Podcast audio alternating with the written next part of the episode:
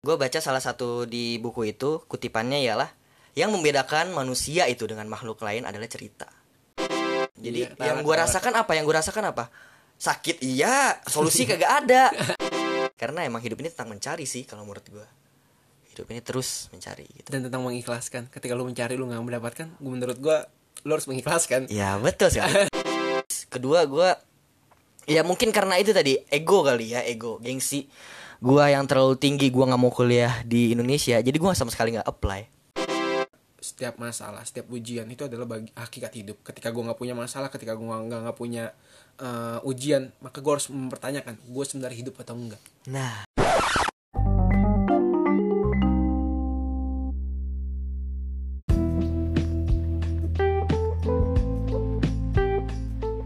Iya, eh. Pengalaman lu kayak atau apa gitu biar orang tuh kayaknya lebih gimana gitu lihat oke gue ternyata gue gue nggak sendiri gitu loh. Karena ketika kita bercerita atau kita mendengarkan cerita eh, itu kita akan menambah pengalaman baru sih. Maksudnya kayak eh, jadi kita bisa belajar gitu dari pengalaman orang lain. Oh iya ternyata gue nggak sendiri. Oh iya ternyata dia tuh cara ngelesain masalahnya tuh kayak gini kayak gini kayak gini. Gue bisa ngikutin. Gitu gue setuju banget sama lu tentang cerita. Karena gua baca di buku Sapiens, tahu lah ya Sapiens itu yang karangan Yuval Noah Harari. Noah Harari Ya, coba. yang terkenal itu. iya Ya, gue baca salah satu di buku itu kutipannya ialah yang membedakan manusia itu dengan makhluk lain adalah cerita. Jadi kalau hewan punya naluri, nah manusia punya naluri. Hewan punya insting, manusia punya insting. Eh, hewan berusaha untuk menghidupi keluarganya, ya manusia juga seperti itu. Nah, tapi yang membedakan hewan sama manusia ialah manusia bisa bercerita ke orang lain. Kalau misalkan hewan, ya kalau misalkan hewan dia jalan di satu padang, dia nemuin sesuatu, misalkan eh, padang rumput tuh hijau banget gitu. Ya dia nggak bisa ceritain ke teman-temannya yang lain. Ya dia dia bisa ngerasain di situ aja. Kayak gitu. Kalau manusia beda, manusia bisa berceritakan even itu cerita itu benar atau cerita itu salah. Jadi itulah uniknya manusia kalau menurut gua. Dan gue sangat sebelum gue mau cerita gue eh, mau mengapresiasi dulu ya, mengapresiasi buat podcast masa muda bercerita ini. Eh, karena gue salut lah. Karena kalau menurut gue cerita itu penting banget. Cerita itu bagian dari hidup. Nah karena apa? Bagian dari hidup. Ya karena ya everyone have their own story and your story worth to share gitu. Kalau misalkan lu udah share ke cerita ke temen yang gak dengerin lu cari temen yang dengerin gitu. Karena cerita lu tuh pasti berharga buat buat diri lu sendiri atau buat orang lain kayak gitu. Jadi yang gue rasain ya gue rasain gue tuh dulu orang yang suka mendem show Tara Suka sih. mendem Tara banget. dari waktu lu ketua osis juga. Mendem banget. Jadi Iya, yang gue rasakan apa? Yang gue rasakan apa sakit iya. Solusi kagak ada. Kayak gitu kadang-kadang sebenarnya yang masalah yang kita hadapin tuh cukup diceritain aja nggak perlu cari solusi gitu. Dari cerita itu lu lega lu bisa nemuin masalahnya. Kayak gitu yang gue rasain ma- maksudnya nemuin masalahnya maksudnya nemuin solusinya? Ah emang sorry. Nemuin solusinya oh, nemuin masalahnya. Oke oke, ya bener juga sih. Gue gue tahu banget dulu tuh emang lu orangnya, ya gue kan wakil lu ya. iya kan? Oke gue wakil lu. Cuman gue nggak apa ya, lu tuh bener-bener tertutup banget sih dulu nih waktu SMA ya. Cuman ya dan gue merasa dan kadang-kadang tuh gue sempet mikir loh, apa orang hebat itu nggak pernah cerita ya? Maksudnya apa orang hebat itu em, dia bisa nyelesain masalah sendiri nggak perlu cerita ke orang. Jadinya jadi eh, kalau cerita itu udah tanda kelemahan. Pas gue pas gue pahamin kayak enggak mungkin lu yang salah. Bener kan? Bener bener syu. Gua salah. Gua dulu I was I was. Itu emang gua salah gua salah. Gua rasa sih kayak anjir lah kalau misalkan gua kayak udah dulu lebih terbuka dari eh misalkan dulu gua lebih terbuka sama kayak gue yang sekarang itu kayaknya gue lebih lega gitu. Maksudnya kayak gue lebih nyari nyari solusinya lebih dapat gitu. Gue dapat dulu solusinya tapi itu kayak perasaan ada perasaan-perasaan yang terpendam gitu. Perasaan-perasaan gak enak yang terpendam yang bisa mem- mempengaruhi eh mempengaruhi apa kerjaan lu ke depannya gitu. Oke paham gue paham. Hmm, jadi kalau menurut gue ya ketika lu apa ya se- setiap kehidupan lu itu cerita gitu. Jadi kalau menurut gue ceritain ke orang yang tepat gitu. Kalau misalkan lu belum nemuin orang yang cepat tepat ya carilah. Kan hidup ini tentang mencari gitu. Jadi kalau menurut gue ya temuin orang yang tepat buat cerita terus s- dan percaya setiap masalah itu ada solusinya gitu. Oke. ya mm. dan satu lagi eh hidup kalau menurut gua adalah ya gue rujuk dari khairukum khairukum itu ya yang yang kata tadi eh, yang sebaik-baik dari kalian itu yang bermanfaat Khair khairun ah ya kok khairun nas anfa'ahum linnas Iya itu Iya kan khairukum apa sih? Aduh, gua agak blank nih sorry ya sorry. Khairun nas anfa'uhum linnas. Jadi sebaik-baik manusia itu yang bermanfaat bagi orang lain. Nah, bagi kita yang sekarang sedang mencari kebahagiaan hidup ya. Kalau menurut gua kebahagiaan, kesenangan itu bentuknya fata morgana. Maksud gua kebahagiaan dan kesenangan sementara itu bentuknya itu em, seperti fata fata morgana. Jika jika lu tidak memaknai kebahagiaan itu. Itu. Jadi eh, saran dari gua kalau lu mau nyari kebahagiaan hidup, lu maknain hidup lu sendiri gitu. Cari makna dari hidup lu sendiri gitu. Kalau lu belum nemu terus nyari. Karena emang hidup ini tentang mencari sih kalau menurut gua. Hidup ini terus mencari gitu. dan tentang mengikhlaskan ketika lu mencari lu nggak mendapatkan gua- menurut gua lu harus mengikhlaskan Ya betul sekali. Balik ke tawakal ya. iya Balik ke tawakal ya gitu. Serahin semuanya ke Allah. iya mencari udah udah udah udah sampai situ kita mencari udah nanti hasilnya kita ikhlaskan apa pun hasilnya kita ikhlas, ikhlas. Betul bang. Betul. Bang. oke ngomong lu nggak jadi cerita apa nih Oh iya, gue jadi jadi belum cerita. Oh ya, oke. Nih eh, cerita gua mungkin pengalaman gua ketika gua mencari, eh gua mencari, ketika gua apply buat S1. Jadi gini, ini sebenarnya relate sama pembahasan lu yang KLC sih. Hmm. Uh, quarter life crisis. Gue sudah merasai itu ketika gue dulu mencari S1 Jadi posisinya gini Gue lulus D3 di Malaysia. Tapi uh, gue belum uh, Gue tuh nggak bisa extend Eh extend Ya extend S1 S, S1 Jadi gue tuh harus ngulang dari awal Hmm, nggak bisa ekstensi. Oh iya. ah, jadi for your info di Malaysia itu emang kalau misalkan lulus dari SMA dia tuh nggak bisa langsung S1 dia itu ah, ngambil yang namanya kalau nggak matrikulasi diploma dan sebagainya kayak gitu jadi mereka itu emang ah, jenjang waktu lulus S1 nya kayak gua nih emang umur umur gue nih umur maba di sana Hmm. Iya, jadi itu udah, udah normal. Tapi di sini kan gue tuh ibaratnya udah cukup berumur lah ya kalau misalkan mau masuk ke S1 gitu, jenjang S1 gitu. Temen, se- sementara teman-teman gue udah lulus eh, Udah S1. udah S1, gue baru mau Iya. mulai gitu kan. Nggak nggak nggak nggak nggak sedikit yang ngatain gue, ya, maba tua, maba tua. Ya. Tapi nggak apa, itu gue gue ngerasain kayak setelah gue lulus D3 itu, gue tuh galau banget antara apa gue mau lanjut langsung kerja atau gue mau lanjutin S1 gitu kan. Oke, eh singkat cerita, gue langsung mutusin kalau ah yaudahlah lanjut S1 kayak gitu kan. Mulailah gue mencari. Jadi eh, rentang waktunya itu di bulan Maret sampai Agustus. Eh sorry, April sampai Agustus. April sampai Agustus itu gue mencari eh, kampus-kampus yang gue pengen datengin Tahun lalu tahun ini. tahun 2019 Oh tahun lalu. tahun lalu ya tahun lalu 2019 baru loh hitungannya ini nah terus eh gue nyari tuh. Wah gua gua gua. Waktu semasa pencarian itu gue cukup ambis. Jadi gue tuh mikir gua berkapabilitas dan gua harus nyari beasiswa yang lebih daripada sebelumnya gitu. Oke jadi gue nih D3 di Malaysia di Darul Kon ini gue dapat beasiswa. Nah jadi kayak gue tuh kayak berambis kayak gue yang satu juga harus dapat beasiswa gitu. Kalau nggak dapat beasiswa nggak kuliah. Gue mikir kayak gitu pertamanya.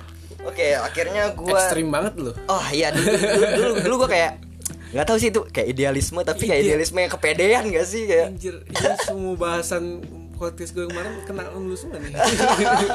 bener. Jadi iya emang gue dengerin dari awal sampai akhir kayak wah ini gue banget kayak sinya Syuhada Mayafi oke seterusnya jadi dari rentang waktu itu gue apply ke mm, 6 kampus luar negeri dan kebanyakan itu Timur Tengah.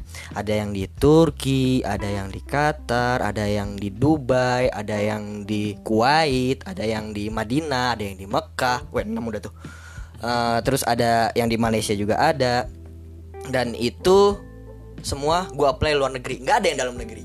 Saking pedenya saking pedenya ini lu kepedean atau emang lu takut dibilang maba tua kalau masuk ke, ke itu bisa jadi bener bener bener bener. Bener banget. Ya gue gue gue rasa kayak eh, lu bayangin nih temen lu udah mau wisuda terus gue baru jadi maba. Lu gimana ya rasanya kayak maba di, di di kampus temen lu yang seangkatan gitu kan? Oh iya paham. temen lu mau wisuda gue baru maba mau di, di ospek. Muka gue taruh di mana coy Eh itu juga salah satu gengsi lu sih. Iya bukan, bener. bukan Oh, sekedar idealis. Gengsi gengsi. Oh minta maaf gue setahun yang lalu emang. Oke. gue kalau ketemu setahun gue yang gue setahun yang lalu eh gue kemplang lu lagu banget sih. Lu maba juga gak apa-apa. Iya terus eh, dari universitas-universitas itu gue ngelewatin semua tuh kayak birokrasinya terus kayak persyaratan-persyaratan yang gue isi gue lewatin semua tuh sampai 4 bulan tuh. Kayak 4 bulan gue ngelewatin itu.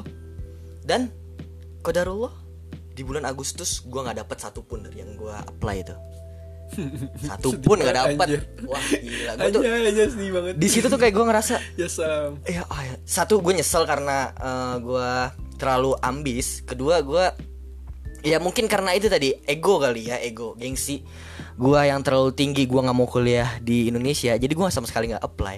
Pas di Agustus itu kayak gue tuh udah mul- mulai menurunin ego gue dan kayak gue ngerasa ah gue coba apply aja di Indonesia dah setelah gue eh, cari-cari info UIN udah tutup. Terus juga yang gue cari di di Indonesia UIN doang sih UIN Jakarta. UIN Jakarta udah tutup. Tapi kayak semua universitas swasta juga di bulan Agustus itu udah tutup semua gue cek. Jadi ya ya udah gue di situ juga kayak aduh apa gue lanjut S1 apa gue kerja? Ya ini yang tadi yang tadi kita bahas. Lu ikhtiar dulu sih. Nah doa gak itu. Lu Gambi? nah, gue doa sih.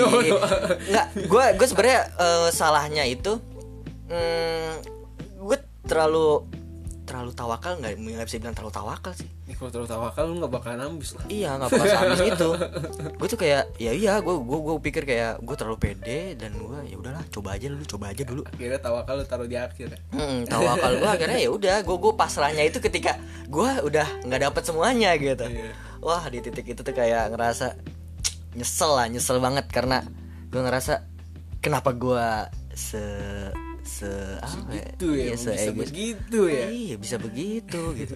Oke lah akhirnya setelah itu eh gue apply gue gua nggak gue eh ini dulu gue dalam rentang waktu bulan Agustus sampai bulan September itu tuh gue sama sekali nggak nyari kuliah.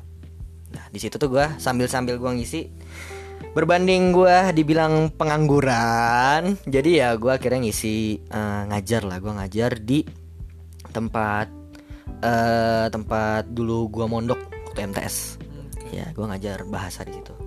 Nah tapi set, di di di setelah setelah gue ngajar itu gue tuh masih hati gue tuh masih resah banget. Gue rasa kayak enggak enggak enggak nyaman ya. iya dan karena gue tuh ya di di usaha itu waktu itu yang gue rasa nih ya yang gue rasa nih ya, di usaha itu tuh gue tidak mem- membersamai Allah gitu. Dalam arti eh gue yakin gue bisa tapi gue kayak eh, nggak si, yakin itu gue bisa karena pertolongan Allah gitu. Ngerti nggak? Jadi kayak gue usaha gue percaya sama usaha gue sendiri. Ya tawakal gue kurang tawakal gue kurang gitu. Itu kurang banget sih. Kurang banget sih iya gue ngomong kayak gitu karena pernah juga. Nah, iya. Terus eh, setelah itu eh, ya udah tuh gue di, di titik terang gue, gue tuh kayak gue coba introspeksi, gue evaluasi apa sih salah gue sebenarnya, kenapa sih gue bisa sampai di titik ini gitu. Terus apa iya hidup ini tentang perlombaan gitu, maksud gue ya keresahan-keresahan kan muncul ya kayak gue udah telat banget eh, temen sementara teman-teman gue udah mau udah mau sidang gue baru mulai terus kayak eh, kalau misalkan gue kuliah dulu gue lulus di umur 26 gitu kan. Terus juga nanti gue kerja gimana gue nyari pasangan hidup gimana gitu. Wah itu tuh kayak mulai kekhawatiran kekhawatiran tuh kayak nyerang gue semua nyerang semua. Oke. Setelah itu kayak gue evaluasi semua yang gue lakuin. Apa sih salahnya sebenarnya? Apa sih yang eh, buat gue tuh kayak sampai di titik seperti ini gitu? Setelah gue evaluasi gue introspeksi diri gue ya itu tadi titik salahnya itu adalah gue tidak seyakin itu sama pertolongan Allah. Gue tidak gue terlalu yakin sama diri gue tapi gue melupakan ada yang ngatur ada yang di luar kita itu ngatur hidup kita gitu. Jadi setelah itu kayak gue nyadarin ah apa eh, masih sempet ya kalau misalkan gue perbaiki kesalahan-kesalahan gue gitu. Kayak gue perbaiki nih niat-niat gue supaya ke depannya nggak kayak nggak keulang lagi kayak dulu gitu. Hmm. dan alhamdulillah tuh di rentang bulan Oktober November gue tuh udah mulai ada semangat lagi. Karena di situ kayak gue udah memperbaiki niat gue udah coba eh, apa coba berusaha lagi. Kalau misalkan gue mau kuliah gue mau kuliah gitu. Niat gue nih karena ya udah gue mau kuliah gue mau nuntut ilmu tek dah gue coba lagi. Akhirnya di bulan hmm, apa tuh ya September gue dapat info masih ada yang buka di Malaysia itu kampus IUM jadi setelah gue dapat info itu dari temen gue langsung udah gue coba Terus alhamdulillah sampai sekarang gue udah keterima jadi mahasiswa di sana. Gue jalanin hidup gue sekarang ya walaupun sekarang gue kuliahnya online ya karena covid ini nih. Tapi alhamdulillah gue bersyukur gue bersyukur karena seenggaknya setelah gue melewati fase itu setelah gue melewati fase di mana gue terlalu egois itu gue mikir eh, ya udah eh, setelah ini gue jalaninnya lebih enteng lebih lega. Gue tahu ke depannya pasti lebih banyak lagi masalah yang mungkin lebih berat daripada itu. Gua Pasti tahu. dong, itu pasti. pasti banget gak sih? Pasti banget. Itu pasti akan ada lagi. Nah, a- apalagi kalau dalam ilmuwan ah, bukan ilmuwan barat ya ini kan kalau quarter life crisis itu kan juga bahasan orang barat nih ya. Eh, umurnya sekitaran 20-an bahkan sampai 30-an nanti ada lagi tuh midlife crisis. Nah midlife crisis. Itu bakal ada lagi tuh. Itu maksudnya namanya hidup selalu tentang ujian gitu. Nah, jadi betul. itu menurut gua hakikat hidup sih. Hmm. Eh, apa namanya ujian itu. Jadi kalau nggak ada ya itu ketika lo hidup pasti ada ujian. Kalau nggak mau ada ujian lo mati. Nggak usah Betul, hidup gitu betul. bukan nggak usah hidup sih maksudnya ketika lo nggak ada ujian tandanya lo nggak hidup gitu iya betul. Dan, ada dasarnya. dan semakin berat ujian itu berarti semakin terpilih gak sih lo maksudnya dalam arti kayak eh, semakin berat ujian lo berarti emang Allah tuh percaya lu kuat ngelewatinnya. Mm-mm, betul banget. Bener banget. Makanya jadinya gue selalu sekarang bukan ya gue harap ya namanya hati ya gampang banget ke bolak balik gitu. Gue berharap gue selalu dalam keadaan berpikir gitu bahwa setiap masalah setiap ujian itu adalah bagi hakikat hidup. Ketika gue nggak punya masalah ketika gue nggak nggak punya eh, ujian maka gue harus mempertanyakan gue sebenarnya hidup atau enggak? Nah itu dia. Betul selalu kayak gitu. Kayak gitu sih kalau gue oke nih kak. Kita bakalan bagi dua part sih. Maksudnya eh, ini udah kelamaan juga nih bakal kita bahas lagi eh selanjutnya. Jadi untuk sekarang kita cukupin dulu ya kayak kalau dari gue cukup sih. Ya kita lanjut lagi Oke. Makasih ya Shuya ini gue uh, seneng banget, seneng banget ada satu platform yang bisa gue kayak nambah temen cerita lah ya, temen cerita gue. Jadi kayak gue tuh uh, ngelewatin lebih enteng lah, dan gue percaya uh, orang-orang di luar sana pun punya masalah yang mungkin lebih berat dari gue dan mereka bisa ngelewatinnya gitu. Jadi ya gue berterima kasih karena lu udah ngasih platform ini, jadi gue bisa cerita ke teman-teman semua. gue juga terima kasih soalnya biar soalnya ini juga penting buat menghidupkan podcast gue karena gue pengen podcast ini tadi terus menyebarkan kema- kebermanfaatan gitu lewat cerita dan tentunya ini yang bakal menjadi investasi buat di masa depan kenapa sih gue bilang investasi kenapa sih ini podcast gue selalu ngomong ke setiap orang bahwa ini adalah investasi buat masa depan karena gue pasti akan mengalami masa sulit Yap. dan semua orang juga pasti akan mengalami masa sulit gitu loh Nah, gue berharap dengan ada gue pod, ada podcast ini, gue bisa mereview lagi gitu loh. Gue mereview lagi, oh iya, gue pernah ngebahas ini. Tadi gue pernah di posisi eh, pernah ngalamin masalah. Sekarang gue dapet masalah lagi, ini hakikat hidup gitu loh. Jadi gue selalu berpikir podcast ini bisa menjadi masa depan investasi gue di masa depan. Buat gue penyemangat gue di masa depan. Lebih-lebih buat anak dan ya soalnya keturunan-keturunan gue juga bisa dengerin gitu loh. Dan oh iya, Amin, jadinya punya kenang-kenangan hidup lah. Oh bener sih Ya nanti bisa nunjukin "Eh, Dek Ini papa pengalaman papa dulu loh Ke 20 tahunan Papa pernah sakit hati ya. Kenapa lu bahas yang sakit Oke oke. Gue Oh sensitif. pernah di podcast gue Oke, oke. bahas sakit hati Oke loh. oke oke. Cut cut cut Oke kalau kayak gitu kak Dari gue cukup sekian. Oke Ah. lu Dari lu nih eh, Closing statement lah. Oke eh, Kita tutup juga. Buat teman-teman semua Ini closing se- sebuah closing dari gua. Jangan pernah berhenti berharap Dan cerita. Karena harapan Harapan itulah yang menyambung tali-tali kehidupan lu sampai lu eh, nggak bisa eh, sampai lu mengembuskan nafas nafas terakhir gitu. Jadi jangan pernah berhenti berharap dan cerita. Sekali lagi cerita ya. Ini menurut pengalaman gue cerita itu penting. Masa muda bercerita. ya cerita itu penting banget jadi berceritalah. Entah lu cari temen yang cocok buat lu bercerita buat yang bisa dengerin lu atau lu tulis cerita lu. Itu penting banget karena nanti ketika lu mereview ketika lu jatuh lu bisa nge-review tuh dari cerita-cerita yang lu tulis atau cerita-cerita yang lu ceritain. Eh dari situ lu tahu nih eh, lu bisa mengevaluasi gitu. Dan dari situ ya lu bisa jadi lebih baik lagi ke depannya gitu. Jadi buat teman-teman semua cerita. Ya jangan dipendam-pendam cerita kalaupun nih. Karena setiap orang punya ceritanya masing-masing. Dan setiap cerita masing-masing itu sangat layak untuk disebarkan Oke, oke bener banget, bener banget. Oke, akhirnya ada yang sejalan dengan podcast gua. oh jadi selama ini Nah, kalian dari kemarin jalan Oh, sejalan oke. semua, cuman ah, baru kali ini tuh maksudnya di digamblangin gitu loh. Maksudnya kan dari kemarin-kemarin kan Hmm. gue ngebahasan gue tuh ya nggak pernah ngebahas eh, tentang cerita-cerita tuh nggak Iya. pernah. Nggak, mungkin pernah ya eh, di awal mungkin di perkenalan, cuman nggak begitu menjurus banget kan ya. Nah untuk kali ini nih gue ngerasa kayak, oh, berarti gue dalam keadaan yang bener nih bikin podcast ini gitu. Ya. mantap. Anggap Oke. aja ya Oke dari gue juga cukup sekian. Udah banyak banget tadi bisa di bisa didengar untuk teman-teman masa muda bercerita. Terima kasih atas perhatiannya. Dari gue Pamit, gue Novel Syuada pamit. Dan gua Hasan Kamal. Oke kita berdua pamit. Assalamualaikum warahmatullahi wabarakatuh. Waalaikumsalam warahmatullahi wabarakatuh